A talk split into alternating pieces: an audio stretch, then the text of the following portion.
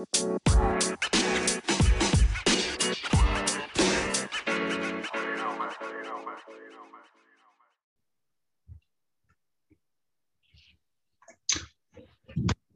dag. Da vil jeg ønske velkommen til et uh, webinar uh, med Stavanger Asset Management og Noon Invest.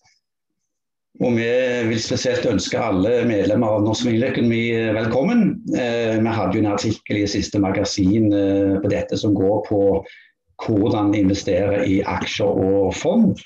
Nå er dette et tema som som eh, vi har inntrykk av eh, veldig mange er opptatt av nå om dagen. Eh, det har med å gjøre sikkert både at aksjemarkedet stiger, og en leser i aviser nærmest hver dag om, om alle de som har tjent mer eller mindre mye penger på aksjer og fond. Så resultatet av det er at vi har sett en rekordhøy inngang av eh, tegninger, investeringer, og spesielt eh, fra nye investorer. Investorer som eh, gjerne ikke har den kunnskapen og erfaringen med dette fra før. Eh, og Da er det jo selvfølgelig eh, mange spørsmål som reiser seg. Og det er en del fallgruver. og Vi leser jo òg i tiden om alle de som har tapt mye penger på å investere. Så, så, her er det jo en del eh, som en gjerne skal passe seg litt for, eh, i alle fall trå litt varsomt. Eh, men vi skal prøve så godt vi kan å hva skal jeg si, uh, ufarliggjøre dette. Eh, men det handler litt om å tenke gjennom litt rundt din egen strategi, og, og, hva en bør og ikke bør gjøre. Og ikke minst at det er lov å få assistanse og hjelp av andre.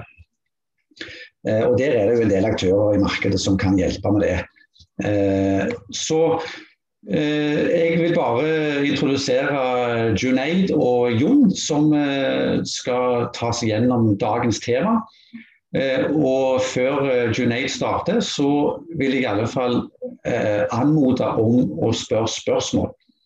Det kan dere gjøre med å trykke den knappen dere forhåpentligvis ser på skjermen eh, for enten chat eller Q&A. For på, ved hjelp av begge de eh, knappene så kan en da stille spørsmål til oss. Og Da vil vi få det rett inn.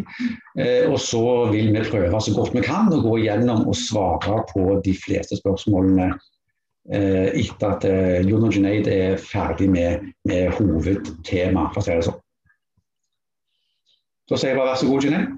Eh, tusen takk. Det er noen som spør om eh, hvorfor de ikke klarer å se oss. Det, gjelder det alle, eller bare kun Eva? Eh, ja, du kan se meg. Ok, ja, men Da kjører jeg på videre. Jeg kan begynne med å si at takk, Even. Um, investeringer i aksjer det kan ha ulike formål. Det kan være alt fra spekulere til langsiktig sparing. Og så kan vi gå til neste slide. slide nummer tre.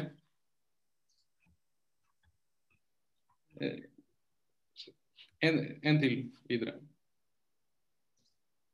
Ja. Så denne grafen her viser jo oss at det har vært en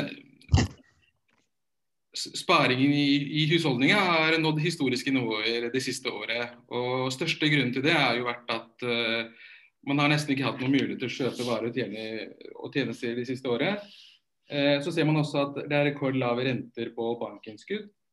Naturlig at man da ser på alternativer til banksparing.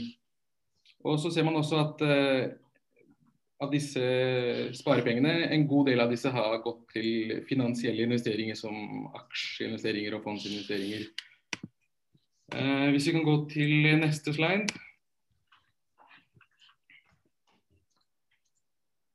Så kan man spørre hvorfor skal man spare i aksjer og fond? Eh, rett og slett for å få en avkastning. Eh, en aksje gir oss en uh, eierandel i et selskap. Uh, og som aksjonær tar man del i verdiskapningen til det selskapet man investerer, i. Uh, og så kan man selvfølgelig høste en gevinst hvis det går bra, og aksjen kan også mistes en verdi hvis det går dårlig. Og så har vi i artikkelen også snakket litt mer om forskjellige typer aksjer og hvordan de prises osv. Så, videre. så hvis man ønsker det, så kan de lese artikkelen uh, også. Og så kan jeg si litt om inflasjon. grunnen til at man ønsker å få en avkastning, er jo fordi penger har en tidsverdi. og 100 000, som vi kan se på grafen her, 100 000 i dag er verdt mer enn 100 000 om 20 år. Eh, og Det er pga. inflasjon. Det er eh, samme grunn for at eh, kroneisen ikke koster én eh, krone lenger. Eh,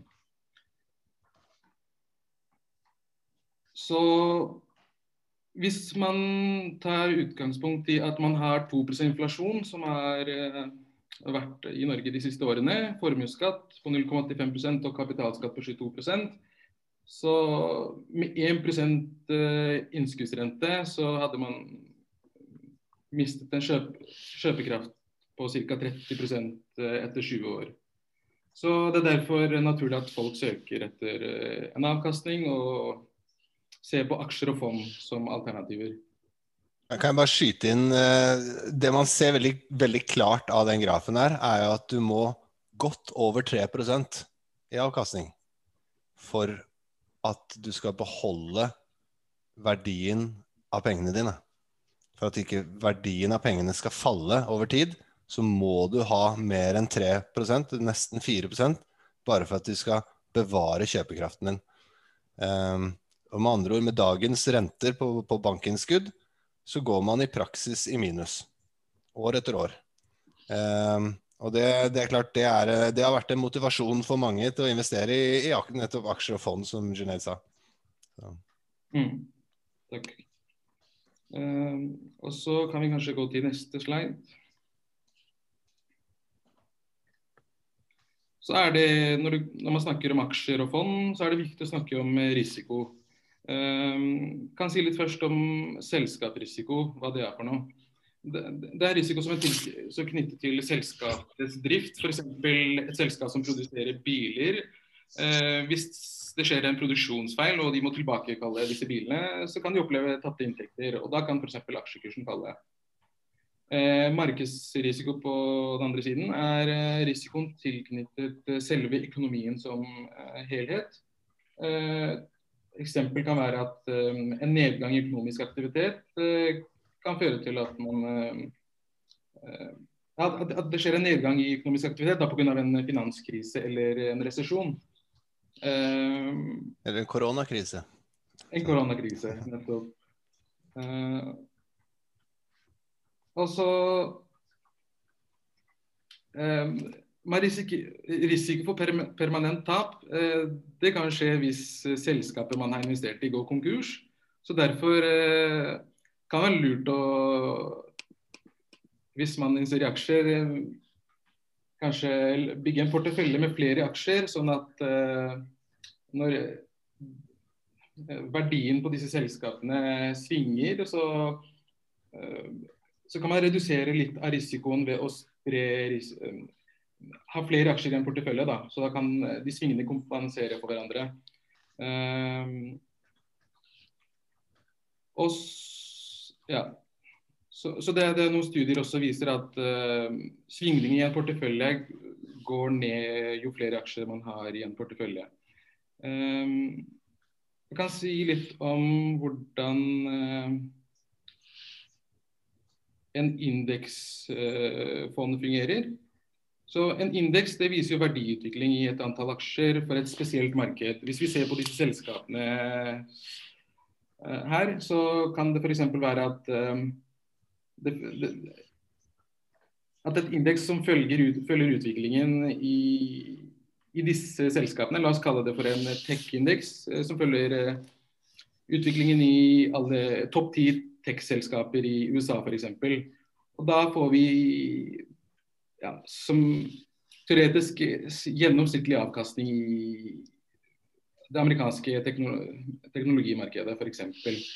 Eh, og så er det eh, Det er en passiv strategi. Og så kan man ha en eh, aktiv forvaltet fond. Da har du en porteføljeforvalter eh, som bestemmer eh, hvilke aksjer som skal inn i porteføljen. Og de har ofte litt høyere gebyrer enn passiv fond. Og så har man eh, ja, det, er jo forskjellige ting man kan investere i. Eh, bankkonto, der er det null risiko. Og så har man pengemarkedsfond, at man eh, låner penger til staten. Sannsynligheten for at staten konkurs er ganske liten. Så, um, så er det lavere risiko uh, der. Så har man i aksjefond så har man litt høyere risiko. Uh, og så i enkeltaksjer kan man ha enda høyere risiko.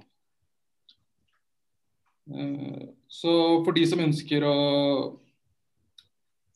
forbedre avkastningen i markedet, de kan enten vurdere å skreddersy sin egen portefølje eller investere i et aktivt forvaltet fond, eh, f.eks. Eh, men indeksfond de, de, gir en god spredning. Mye lavere risiko og en avkastning som er tilsvarende det aktuelle markedet. Så tenker jeg at fortsett å snakke litt mer om risiko. Kan vi gå til neste slide?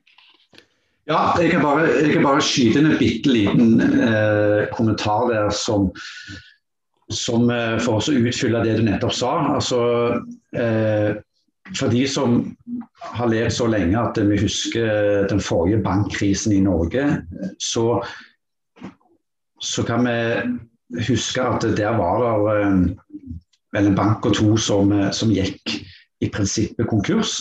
Eh, Bl.a. Eh, den gangen eh, DNC, det som i dag heter DNB. Og, og, og, det bare illustrerer både det og, og for så vidt Kværner, som var et av Norges største industriselskap, som òg fikk problemer noen år senere. Så, så, så, er dette eksempler på hvor selv om selskapene er store, godt kjente eh, og store i størrelse og verdi, eh, så er det alltid faren for og risikoen for at det kan gå mer eller mindre konkurs. Eh, og Den risikoen er, er til stede i enkeltaksjer. Eh, men når du da sprer investeringene på mange forskjellige aksjer, så blir den risikoen mindre og mindre. Så når man har det veldig veldig mye, så, så, er den risikoen for å tape liksom alle pengene sine, den er, den er bortimot vekke. Eh, så, så, det er liksom den store eh, effekten av å, å, spre investeringene sine. Eh, og, og, eh, ja, og så, så, har det også selvfølgelig mye å si på, på stabiliteten av avkastningen, men det kommer vi tilbake til etterpå. Takk skal du ha. Og så Her ser vi jo to forskjellige grafer. Det ene er eh, et børsnotert selskap eh, som heter Flex LNG. Eh, og så har du Oslo Børsindeksen. Og begge har i løpet av et helt år oppnådd like høy avkastning, som er omtrent 40 Eh, og Det er egentlig for å, vise, for å forklare hva risikojustert avkastning er. Eh, så kan man stille spørsmål hvis begge oppnår like høy avkastning i løpet av et helt år. Eh, hvilken av disse hadde man valgt? da? En eh, profesjonell investor eh, hadde valgt den, den som hadde gitt den beste risikojusterte avkastningen. Og så ser vi at den gule linjen den svinger eh, mer enn den blå linjen. Og i perioder så er eh, Flex LNG-aksjen nesten minus 20% og så, så risikojustert avkastning er eh, sånn enkelt forklart avkastningen i forhold til svingningen i aksjekursen. Så da hadde valget for min del vært uh, falt lett å investere, i indeksen. da. Uh, så ja, så enkelt forklart eh, hva risikojustert avkastning betyr. Eh, så kan vi gå til neste slide, kanskje.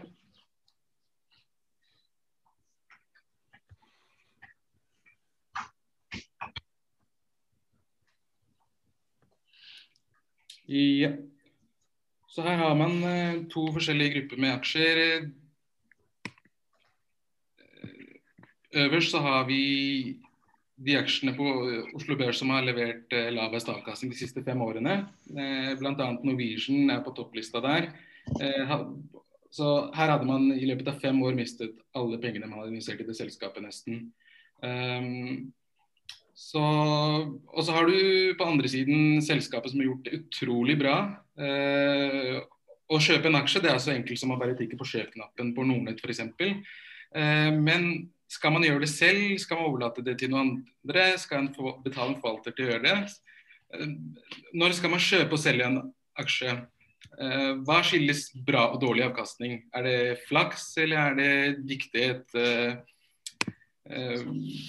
Jon, du, du, har jo litt mer erfaring på det feltet, så tenker jeg at kanskje du kan si, litt, si, noen ord om det. Om det er flaks eller dyktighet når det kommer til aksjeplukking? Jeg kan i hvert fall si at det er veldig vanskelig å skille mellom flaks og dyktighet når det kommer til å, å plukke enkeltaksjer. Eh, fordi, eh, som du har vært eh, inne på tidligere, risikoen er mye høyere når man begynner å snakke om én og to og tre selskaper, enn når man snakker om en bred, en bred portefølje eller en, stor indeks eller lignende. Um, og, og, et veldig godt eksempel er jo den øverste der, Norwegian Air Shuttle. Uh, vi har vel sikkert alle som lytter uh, en gang flydd med, med, Norwegian, og vi har alle, alle, sett dette selskapet vokse opp fra, fra ingenting til å bli ganske stort. Eh, en fantastisk suksesshistorie i mange år.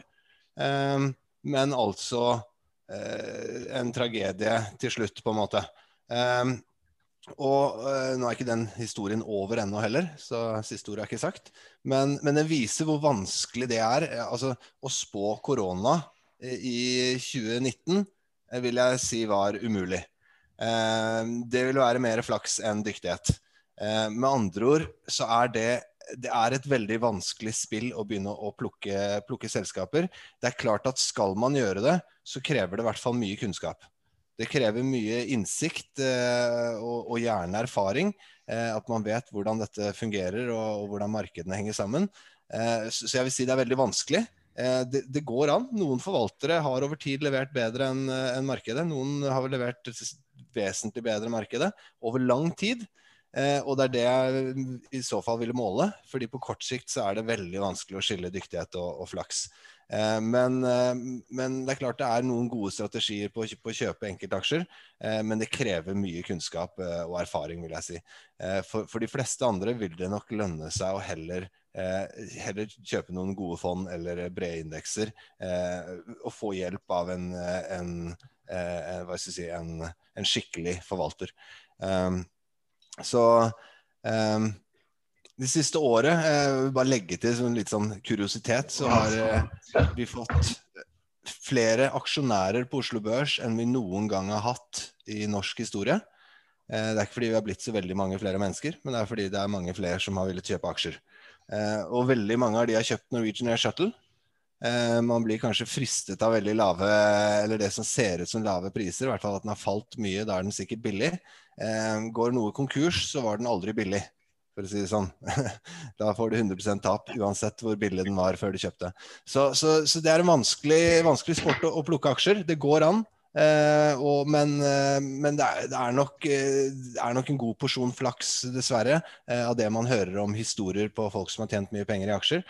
Eh, men, men, det er eh, selvfølgelig mulighet for, eh, for, å være dyktig. Men som i all annen, eh, annen aktivitet, så krever jo det mye kunnskap. Mye eh, Som i sport, du må ha trent mye for å bli god. Så. Takk for det. Uh, hvis vi kan gå til neste slide. Du nevner jo fond, Jon. og så, Her ser man også litt forskjellige fond. Noen med skikkelig god avkastning og andre ikke så bra. Eh, hvis man skal velge fond, hva er en god kombinasjon? Eh, skal man velge det som har gitt bra historisk avkastning? Spesifikke bransjer, eh, eller i vinden i de siste tiden? Ja, hvordan skal man velge fond da, Jon? Eh, igjen, eh, det blir jo litt det samme som, eh, som det forrige spørsmålet. Det er eh, like vanskelig å skille fond som, eh, som enkeltaksjer på, på, kort horisont. Eh, han som var best i fjor, trenger ikke være best i år. det kan ha vært at man var på rett sted til rett tid. og det er ikke sikkert du klarer å gjenta det gang etter gang etter gang og alltid være på riktig sted til riktig tid. Eh, med andre ord, eh, det, er, det, er, vanskelig å skille. Det vi ser, er at det er veldig mye trender. Og de siste årene har det vært en klar miljøtrend, en klar grønn trend, eller eh, ESG, som vi kaller det i finans, eh, Environment Social Governance, som har vært en veldig sterk sterk trend, og en pågående trend, vil jeg si. Eh, så det er klart at man kan nok kikke litt mot trender, og vite at trender også en gang snur. Men, eh, eh, men utover det òg, så er det i det lange løpet at man egentlig kan skille forvalterne. Og da må man sannsynligvis måle både fem og ti år, og kanskje enda lenger for virkelig å se hvem som har skilt seg ut. Og, det er fortsatt ingen garanti for, for veien videre. Men det er klart, vi bryr oss mye mer om, om kvaliteten altså på, på, forvalterne og på, på, den forvaltningen som gjøres, enn på avkastning siste tolv måneder, for å si det sånn. Så,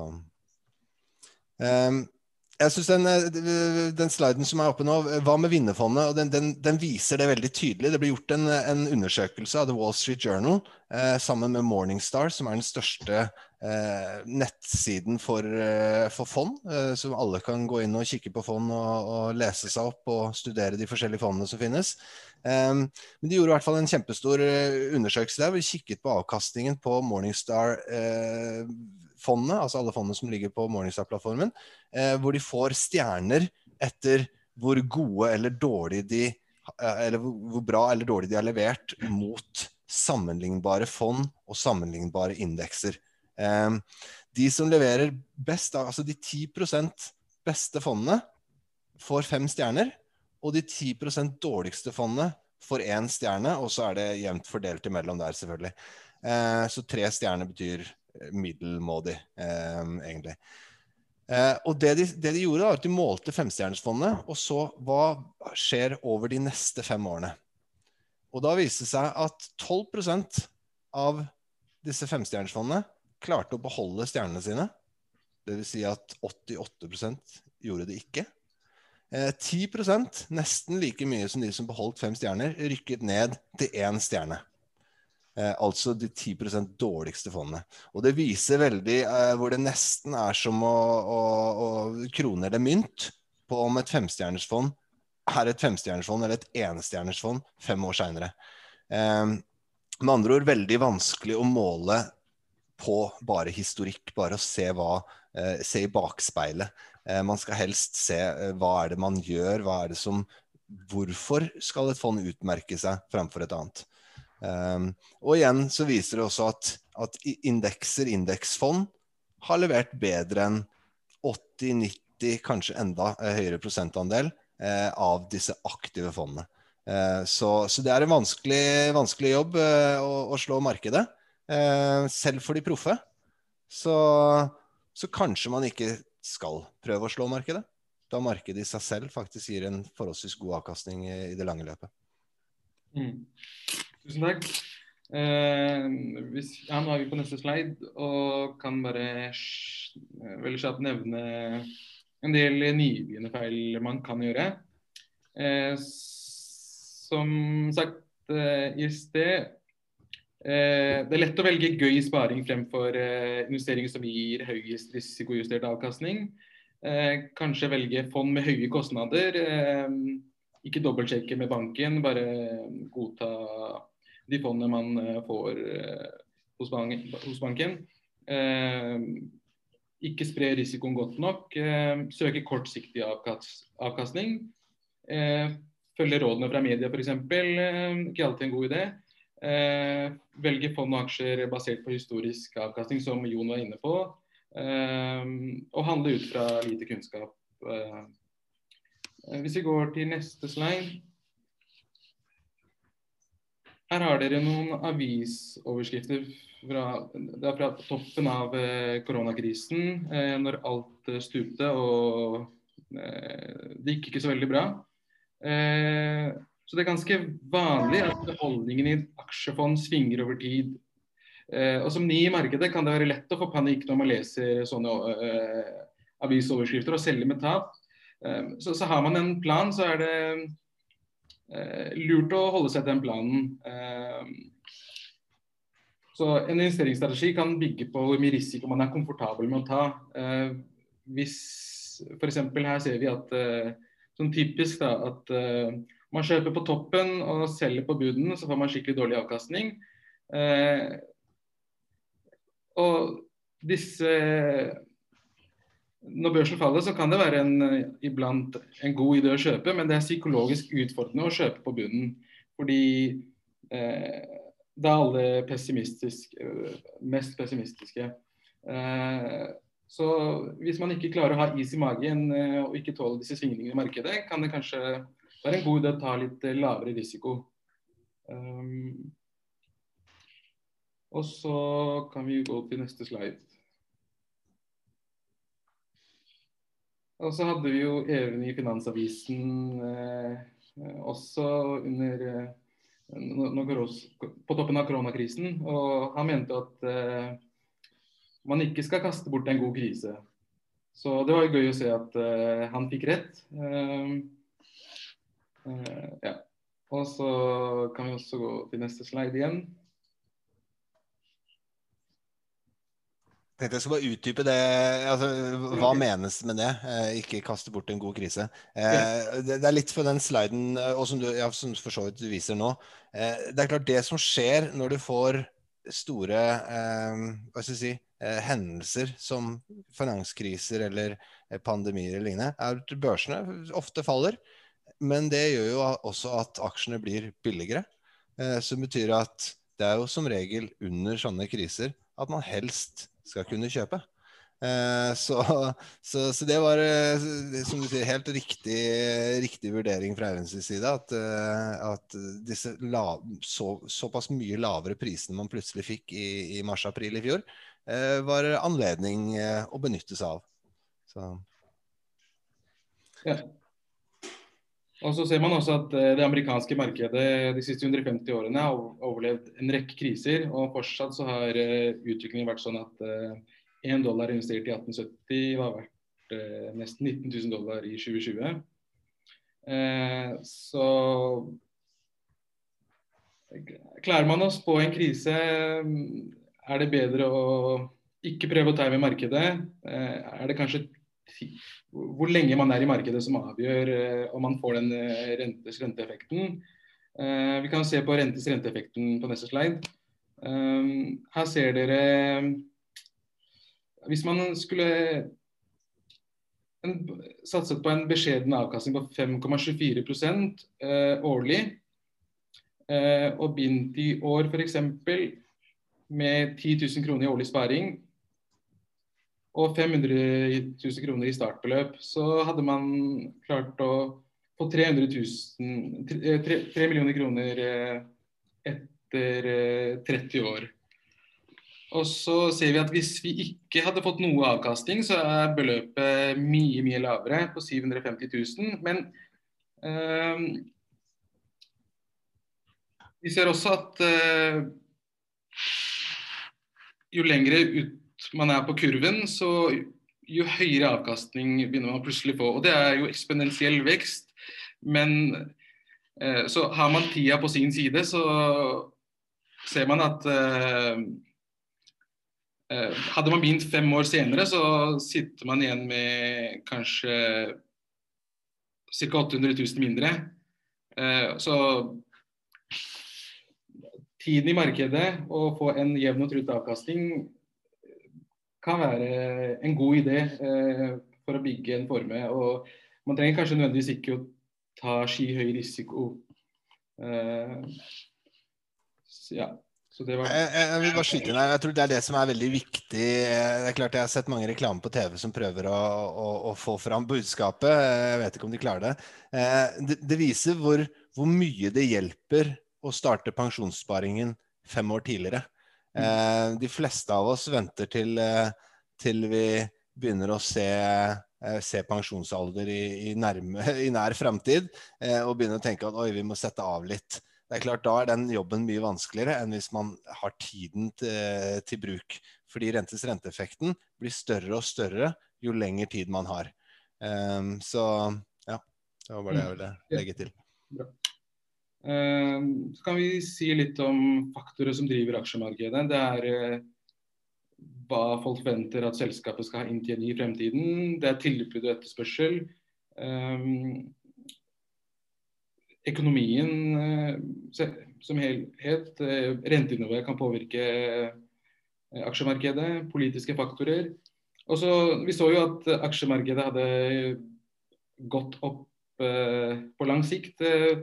Og En av årsakene er at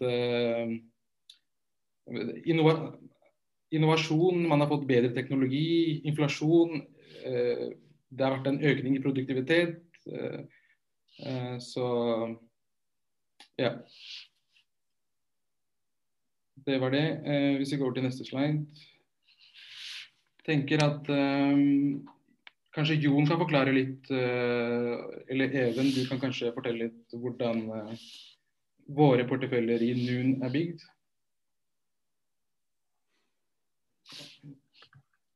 Det er ikke noe lyd. Jeg kan kanskje Jeg kan ta over, jeg, hvis ikke han har noe lyd.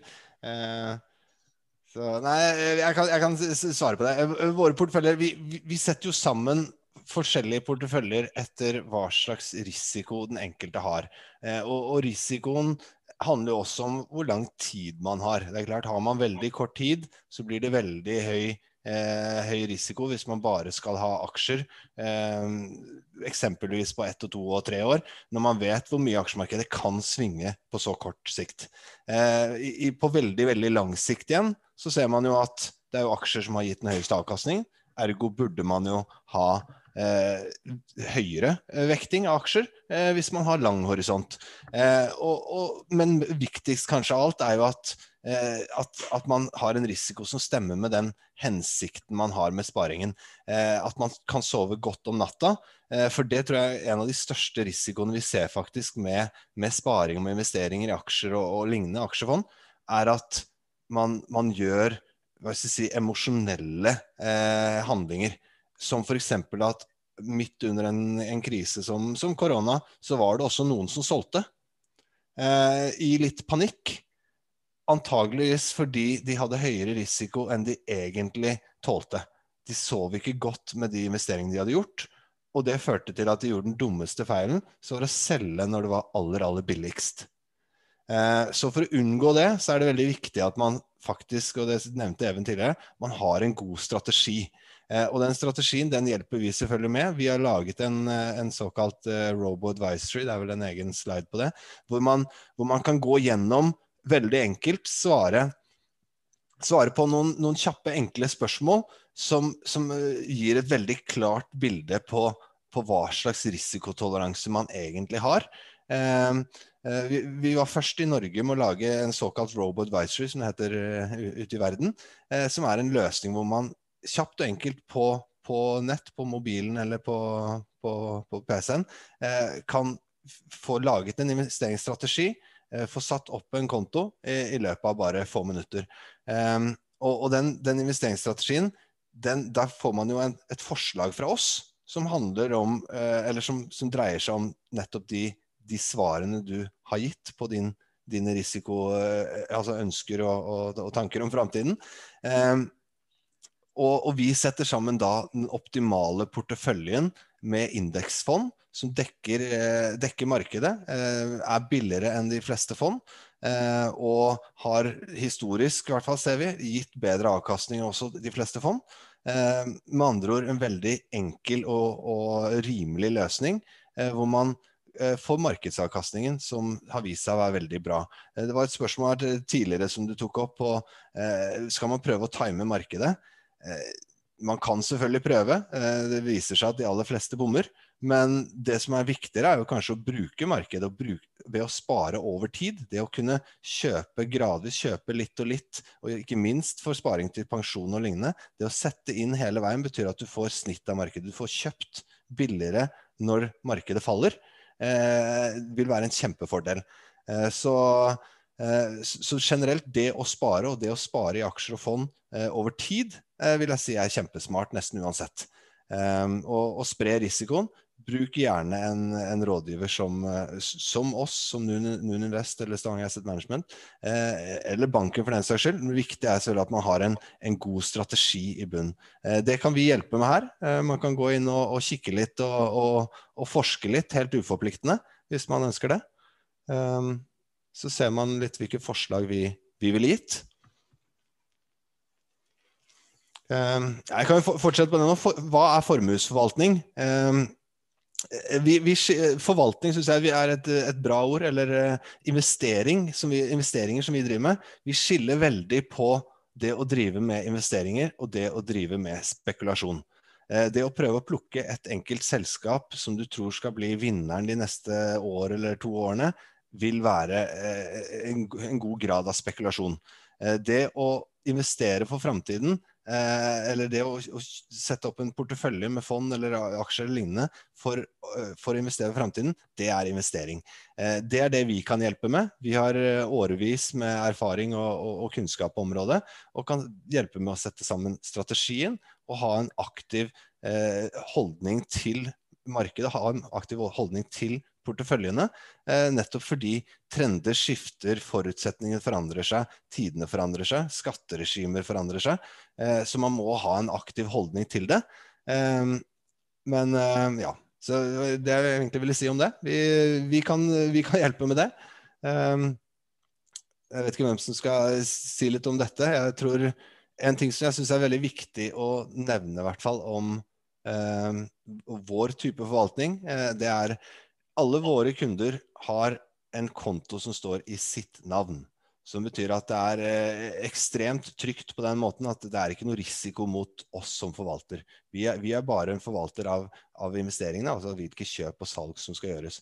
Um, ellers så er det Ja, vi har konsesjon fra Finanstilsynet um, til, til, å drive med aktiv forvaltning. Um, ja. Even, har du, har du fått lyd? Har du noe du vil legge til? Tror kanskje han ikke har lyd. Ja, jeg tror jeg har lyd på at dere bare sier si ifra hvis dere uh, hører meg. Jo. Så uh, ja. Uh, det som vi driver med, er jo, er jo, aktiv forvaltning. Hvor vi hjelper våre kunder til å, å sette sammen porteføljer. og ikke minst velge ut hva en skal investere i. nå er det en gang sånn at det er det er 100 000 fond eh, der ute. Eh, og så er det en eh, pluss-minus 8 000-10 000 indeksfond. Så, så, så det, er, det, er, fryktelig mye en skal på en måte um, ha, ha, en eller annen oversikt eller formening om. det. Eh, så, så, det er liksom eh, hovedgrunnen til at, eh, til at, vi har eh, noe å gjøre for våre kunder. At vi hjelper med det, så hjelper vi å sette sammen porteføljer sånn at de er fornuftige i, i forhold til den risikoprofilen en ønsker. Da. Eh, så da tenker jeg at vi kan eh, runde av der med en liten sånn en, fritt oversatt eh, kvotering fra Warren Buffett, som, som regnes som en av eh, tidenes eh, største investorer. Eh, som sier det at eh, hvis en skal kjøpe en aksje hvor målet er kun at eh, aksjekursen skal stige, for så å selge med profitt, så defineres det som spekulasjon. Hvis en derimot kjøper en aksje med fokus på den inntekten dette selskapet genererer i uendelig framtid, så er det det som vi definerer som eh, investering. Og Det er liksom den store forskjellen. Eh, så Det som vi har prøvd å belyse litt her i dag, det er at dess mer en er i den gata som omhandler spekulasjon, så det er ingenting galt i det, men, men da er risikoen relativt sett mye høyere enn om en setter sammen en portefølje med fond eller selskaper som, som, eh, som vi vet genererer inntekt eh, framover i tid. Så det er liksom en av de store forskjellene som, som jeg syns er viktig å, å, eh, å, eh, å, ha med når en skal, skal investere. Da tenker jeg at vi går over på spørsmål. Eh, og så kan jeg da begynne med et av de eh, kjekkeste spørsmålene som, som, eh, som, går på hva er de viktigste elementene for å vurdere om risikoen i markedet er stor, middels eller liten. Og Det blir eh, et litt sånn Kommer an på hvordan en skal angripe det spørsmålet der. Altså, mange ville nok kanskje sagt at en skal angripe det akademiske i forhold til risikopremie og sånne ting, som er litt sånne matematiske utregninger, så, så tenker jeg at eh, for dette fora nå, så tar vi litt sånn enklere eh, oppsummering. Og så sier det at iallfall sånn som vi tenker, da, så, så handler det eh, sånn kort fortalt om at eh, ja, om markedet er dyrt eller billig. da. Eh, det, det, det, definerer noe av risikoen. Så er det viktig å skyte inn at eh, når markedet har gått eh, oppover en stund, så, så, har, så, har, vi lett for å konkludere med at nå er markedet dyrt, og derfor er risikoen for å investere veldig veldig høy. og Derfor så lar en være å, å investere.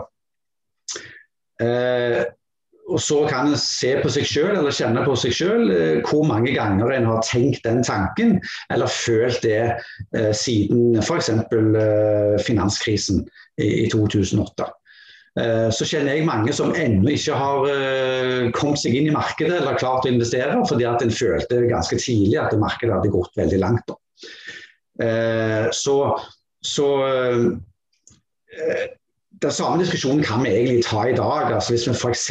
ser på, på, bankaksjer og sparebankaksjer, som gjerne er en sånn god temperaturmåler på en økonomi, så, så ser vi at uh, i dag så prises de til det som vi kaller for prisbok eh, ca. 1. Det betyr at du kjøper en krone for en krone. Eh, og, og, det betyr igjen at uh, Ser vi kun på det, som er en sånn relativ prising, så er markedet, i alle fall for den type aksjer, verken dyr eller billig. Det er sånn ca. midt på treet. Eh, men så er det selvfølgelig derimot eh, sektorer og, markeder og aksjer som, er, som, fremstår som veldig, veldig dyre. Uh, jeg tror, jeg, jeg, har jeg lyd nå? Jeg kan skyte inn uh, nettopp fordi det var jo et annet spørsmål som går litt uh, på der du avslutta. Uh, hvor stor forskjell i avkastning og risiko kan man ha hvis man sammenligner aksjefond mot aksjer? Og, det er klart, både innenfor aksjefond og innenfor aksjer isolert er det ekstremt store forskjeller. så du, du, vil ha aksjefond som har hva skal jeg si, så å si altså, Du har aksjefond som har tilnærmet lik markedsrisikoen Altså det er et snitt av alle selskapene på børsen. Eh, og du har aksjefond som er eh, veldig spisse, som har veldig få eh, aksjer, dvs. Si store poster, og gjerne i svært spekulative selskaper. Så du kan ha aksjefond som kan være si, ren markedsrisk eller ekstremt høy risk.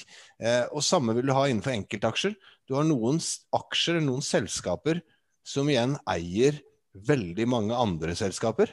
Eh, store konglomerater og konsern som, eh, eh, som Orkla vil jo være vesentlig lavere risiko enn en bitte liten nyoppstartet biotek-aktør, f.eks. Så, så det, det, vil være ekstremt store forskjeller innenfor de forskjellige kategoriene. Noen, noen enkeltaksjer vil ha lavere risiko enn visse fond. Uh, for å si det sånn, men, men, men i, i, det store bildet så er det klart at, uh, at, fond har generelt lavere risiko enn om du begynner å plukke enkeltaksjer. Og indeksfond vil jo være nærmere da indeksene markedet, og vil sannsynligvis også ha enda lavere risiko enn de aktive som prøver å plukke og prøve å være smartere enn markedet.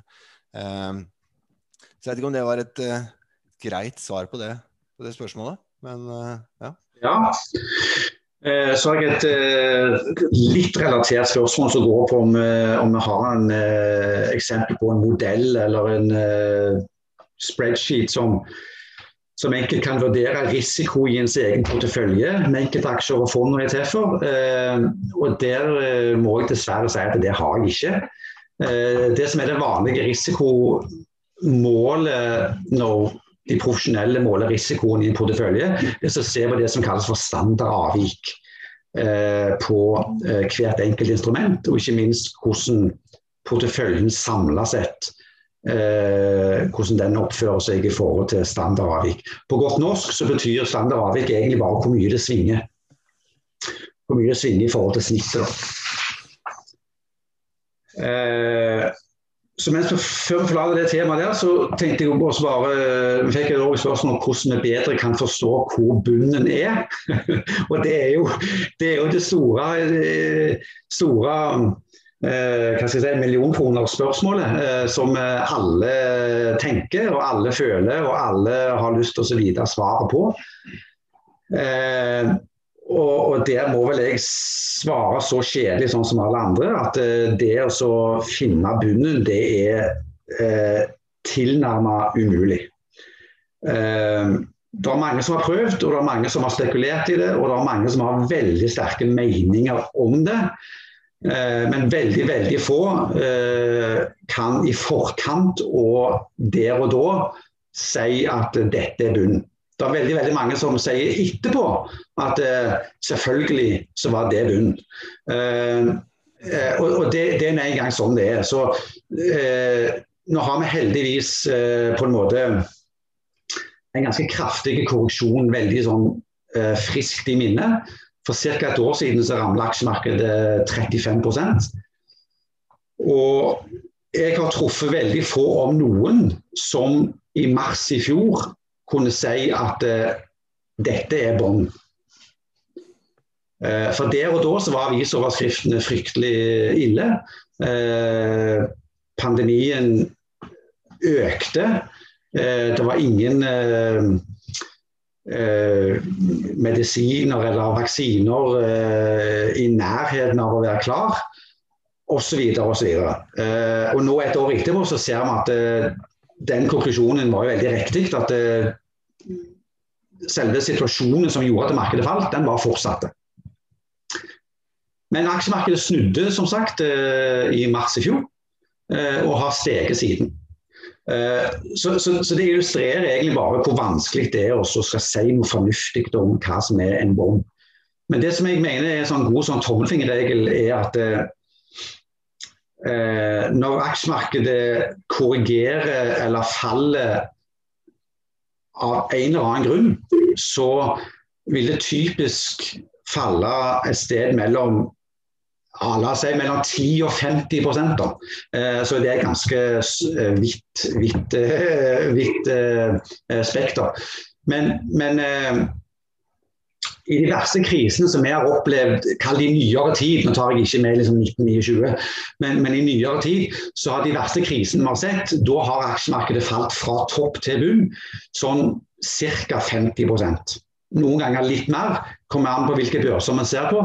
Men de fleste store børser har falt ca. 50% Så derfor så for vår del så, så liker vi å si, at eh, sånn 50% det er det vi må ta høyde for som, som et worst case scenario. Eh, så når vi investerer i aksjer eller aksjefond, så mener iallfall jeg at da skal vi alltid ha eh, det i bakhodet at vi skal kunne tåle at dette kan falle eh, ca. 50 eh, Og så skjer det av og til litt sakte, og noen ganger skjer det veldig fort. Eh, mens 50% skjer relativt sjelden. da. Det er litt oftere at aksjemarkedet faller 20-30% og så snur og kommer opp igjen. Så, så hvis vi så Hvis vi tar det som et, et utgangspunkt, da, så er det lettere å heller snu spørsmålsstillingen dit hen at eh, hvis vi befinner oss i en korreksjon, så kan vi i alle fall si at eh, La oss si sånn som mars i fjor, da, eh, når eh, børsen var ned 30-35% så kunne vi i alle fall da, og det var da vel vi hadde den avisartikkelen som Junaid nettopp viste, da kunne vi i alle fall si at det vi i alle fall vet, da, det er at nå var børsen eh, mer enn 30% lavere enn det han var for en måned siden. Så nå har vi liksom på en måte allerede fått en korreksjon en rabatt i forhold til det børsen var. Eh, og Det er det eneste vi vet, at eh, den rabatten er der. Så er børsen en gang sånn at det er det eneste stedet hvor folk ikke ønsker å kjøpe mer rabatt.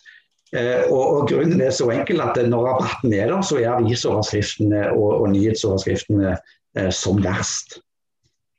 Men Det er ofte sånn en grei eh, målestokk på eh, å ha en formening om hvor mye verre kan det bli, eh, og hva er rabatten jeg, jeg kan investere på med i dag. Eh, så det tenker jeg er, et godt utgangspunkt for hvordan vi skal håndtere eh, korreksjoner. Eh, ja. Så fikk jeg et spørsmål som spør vi kan si noe om den vanvittige dollartrykkingen som har foregått de siste årene. og der der vet ikke jeg om du skal prøve deg på et svar, eh, Jon. Altså, her er det jo eh, litt vanskelig å svare uten å gå inn på veldig dype makroøkonomiske resonnementer.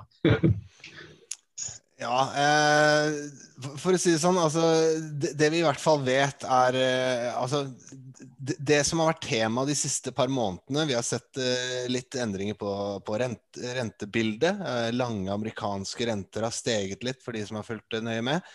Eh, nettopp fordi man ser for seg en inflasjon.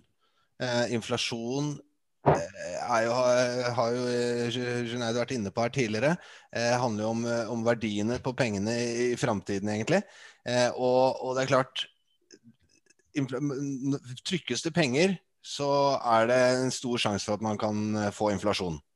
Eh, det har man sett mange steder før. Eh, særlig der hvor det har blitt trykket mye penger. Så faller i seg selv verdien av hver eksisterende krone hvis man bare trykker nye. Så, så, så det, er, det, er, på en måte faren med pengetrykking. Det vi ser i, i, i verden, som har vært et fenomen som i, i hvert fall ikke har gått over ennå, er at dollar er, altså US dollar, som jeg snakker om i dette tilfellet her, er eh, verdens mest populære valuta. Altså Det er veldig mange land og veldig mange mennesker ute i den store verden som veldig godt kunne tenke seg å ha hatt noen dollar. Eh, så, så, det er en klar fordel for USA og en klar fordel for dollaren, og som gjør at de, eh, altså de kan i gåseøyne trykke penger. Nå er det forskjellige måter dette gjøres på. og Jeg vil ikke kalle det direkte pengetrykking heller. Så, så det er kanskje et, kan stille spørsmål tilbake. Eh, hva er pengetrykking? Eh, eh, her er det snakk om noen tiltakspakker som foregår på forskjellige måter. Eh, så, så, alt er ikke pengetrykking. Men, men, uansett, resultatet kan bli høyere inflasjon. Høyere inflasjon vil som regel føre til høyere renter. Høyere renter vil gjøre lån dyrere å betjene, og som vil gjøre de fleste aktivaklasser da mindre attraktive i forhold til å sette pengene tilbake i banken. Eh, og f.eks. eiendom, som har vært en fantastisk investering i, 40 år, er kanskje ikke like interessant når renten stiger istedenfor å falle, som den har gjort i 40 år. så, så, det er klart det har noen konsekvenser som, som, man kan se for seg på, på mellomlang og lang sikt. Eh, så, så, det er definitivt noe vi også følger med på eh, og ser på. Aksjer er jo et, en interessant aktiva-klasse i forhold til nettopp dette temaet her. Eh, stiger prisene, så stiger prisene på varene og tjenestene som selskaper selger. Som betyr at aksjer på, en, på sett og vis er en slags inflasjonssikring i det lange løpet. Så eh, så det er en måte å parere det på, eh, til en viss grad. Eh, og så er det selvfølgelig mange andre, mange som er eh, fan av gull og bitcoin og andre ting. Men som, så er det forskjellige skoler på hva man, man, tror på her. Men som Even og Warren Buffett eller som Even viste til Warren Buffett her i sted, hvis man spekulerer i at prisen skal endre seg, så er det spekulasjon. Hvis du ønsker at en aktiva skal gi avkastning over tid, så er det en investering. Eh, gull eksempelvis er det mange som kjøper som en sikring mot inflasjon, og det kan det være. Eh, gull kan stige i verdi når alt annet faller, men gull formerer seg ikke. Gull gir ingen renter, gull gir ingen utbytte. Så det eneste du satser på, er at gull øker i verdi. Altså spekulasjon. Så. Ja. Men da eh, ser jeg at uh, vi begynner å nærme oss en time, så vi skal prøve å holde oss uh, sånn cirka innenfor det. Så jeg har et par spørsmål som jeg kan sikkert kan ta litt kjapt. og Det ene er hva er relasjonen mellom Strang Asset Management og Noon Invest? Noe så enkelt som at uh, Strang Asset Management er på en måte motsatt Noon Invest. I Strang Asset Management så driver vi formuesforvaltning eh, i, i bred forstand. Så der eh, hjelper vi eh, folk med å sette sammen porteføljer med skreddersøm og med den bredden og dybden som hver enkelt kunde ønsker. I Noon Invest så har vi lagd en litt mer sånn digital løsning, hvor egentlig nett svarer noen spørsmål digitalt trenger ikke snakke med noen, men kan selvfølgelig snakke med oss hvis en ønsker. Eh, og, og, plattformen er basert på porteføljer med indeksfond.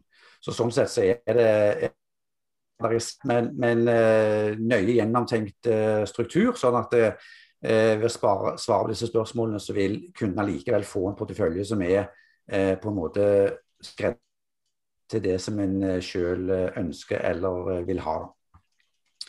Og så fikk vi et par spørsmål som går på statsborgerskap. Eh, må en være norsk statsborger for å kjøpe eh, fond eller aksjer? Og svaret er nei, det må en ikke. Eh, det avhenger, altså, hvor lett det er avhengig av å, å, å få etablert kontoen i banken som vi jobber med. og Det leder meg inn på neste spørsmål, som er dette med amerikansk statsborgerskap. og Der er erfaringen at det er nok vanskeligst.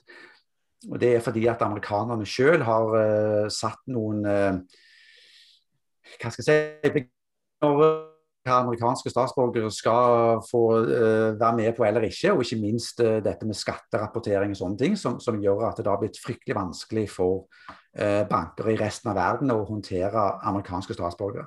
Så det, det betyr dessverre at de fleste bankene rundt i verden har egentlig bare eh, slutta med å ta inn eh, amerikanske statsborgere som kunder. Eh, men, men, det er ennå mulig, da. Eh, det er bare eh, en del verre enn en mange andre. Og så noen spørsmål om forvaltningshonorar. Eh, så Det enkleste å svare på er Nune Vest. Der er honoraret 0,95% som, som Univest charger for den tjenesten med å forvalte de porteføljene. I Stang Asset Management så er det eh, litt vanskeligere. Der har vi en sånn prisingsmodell, for det kommer an på størrelse og type portefølje og type kunde. Så der anbefaler jeg at vi snakker direkte om, om det skulle være eh, aktuelt. Eh, og så er eh, Hva er forskjellen på aksjefond og indeksfond? Eh, så der er det sånn at eh, altså for å være helt korrekt, så, så vil jeg da uh, tolke aksjefondet her som et, det som vi kaller for et aktivt forvalta fond. Uh, uten å henge ut noen, så, så kan vi si at det, et par eksempler på det er gjerne uh, Skagen Global eller, eller, eller ja, SR-Bank utbytte, for å ta et par eh, fra, fra, fra Stavanger-regionen, så er det aktivt forvalta fond. Så De fungerer sånn at der er det eh, et forvalterteam som analyserer markedet, analyserer aksjer og plukker ut hvilke aksjer det fondet skal investere i. Eh, og da har han typisk 20-30-40-50 aksjer som man har plukka ut, som da eh, forvalteren mener er de beste aksjene å ha. Og det er det det fondet består av. Et indeksfond derimot, eh, der er det ingen forvalter. Eh, indeksfondet vil eh, investere i alle aksjene som inngår i den indeksen. Så der vil typisk Oslo Børs bestå av eh, noen og 200 aksjer. Eh, eksempelvis SMP 500 fra USA er som det ligger i ordet, 500 aksjer. Og da, Et indeksfond vil ikke ta stilling til hvilke aksjer som er gode eller dårlige, investerer bare i alle. Uh, og det Interessant nok, så det er, jo det, det er jo det som er litt av filosofien som vårt eget oljefond uh, styrer etter. Så der er sånn ca. 80% av forvaltningen er, er indeksorientert. Kan, eh, jeg kan ta, bare skyte inn et par eh, kjappe. Eh, hvilken type konto er best å ha? Aksjefond? Aksjekonto zero tipper jeg man sikter til er et Nordnett-produkt, eller aksjesparekonto. Svaret på det er det går det ikke an å svare på. for Det kommer helt an på ditt formål. Det kommer an på hva det er man ønsker av, av si, fordeler og ulemper, som alle disse forskjellige løsningene har.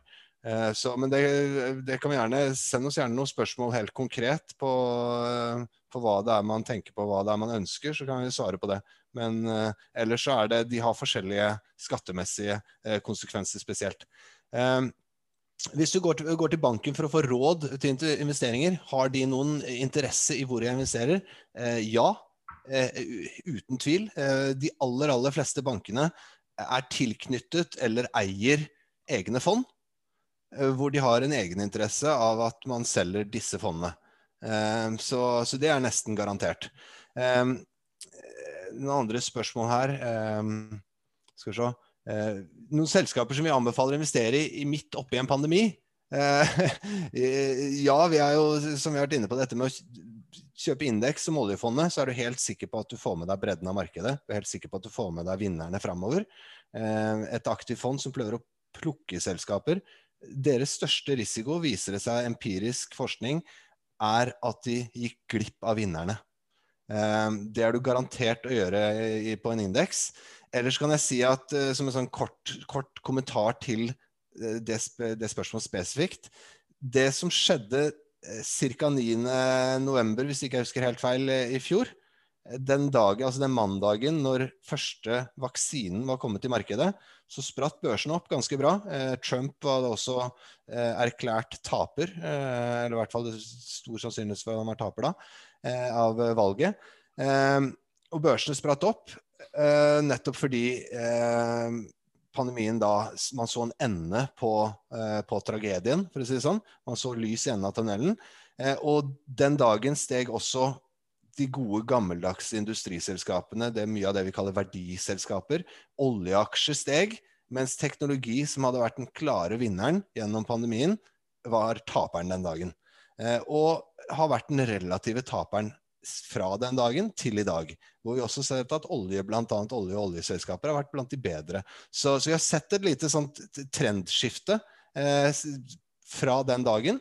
Eh, og det er klart mye av dette handler jo om hva, hvordan blir verden når pandemien er over? Skal vi da gjøre normale ting igjen? Skal vi kjøpe og selge de samme varene og tjenestene som før? Eh, med andre ord er det noen selskaper som da kanskje skal prises opp, og andre som kanskje skal prises ned. Eh, så, så, det har vi eh, selvfølgelig noen tanker og meninger om.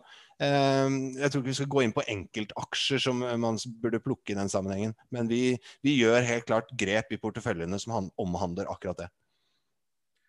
Veldig bra. Da tror jeg at vi skal sette en uh, sluttstrek. Uh, nå har vi holdt på i en time. Jeg vil bare minne om at uh, hvis en går inn på nun-invest.no, så vil vi legge ut dette webinaret på bloggen der inne. Vi vil prøve å legge ut disse, denne presentasjonen. og gjerne en podkast. Eh, dere vil kunne sende oss eh, melding eller chat med spørsmål for alt det vi ikke rakk å få med oss eh, her. Eh, det går selvfølgelig òg an å sende oss god gammeldags mail, eller kanskje enda mer gammeldags og så plukke opp telefonen og ringe. Det går òg an. Så vi er tilgjengelige til å svare på de spørsmålene dere måtte ha. Så da vil jeg bare takke for nå. Eh, og håper at det var litt informativt og litt nyttig. Her eh, blir en aldri utlært, hvis det er noen trøst. Eh, etter 30 år i bransjen så føler jeg meg fremdeles ikke utlært. Jeg føler det er eh, mye nye erfaringer og nye ting hele veien. Eh, men litt klokere blir vi hver dag. Og erfaring eh, hjelper jo enormt. Så på at den erfaringen ikke blir for dyr. Så eh, da vil jeg med det eh, wrap it up, som de sier. Så eh, takk for nå. Og eh, da håper jeg at vi ser eh, kommentarer og spørsmål fra mange på nettsiden og på chatten og på mail. Så får dere ha en eh, fortsatt strålende uke. Fint det. Takk for nå. Ha det bra.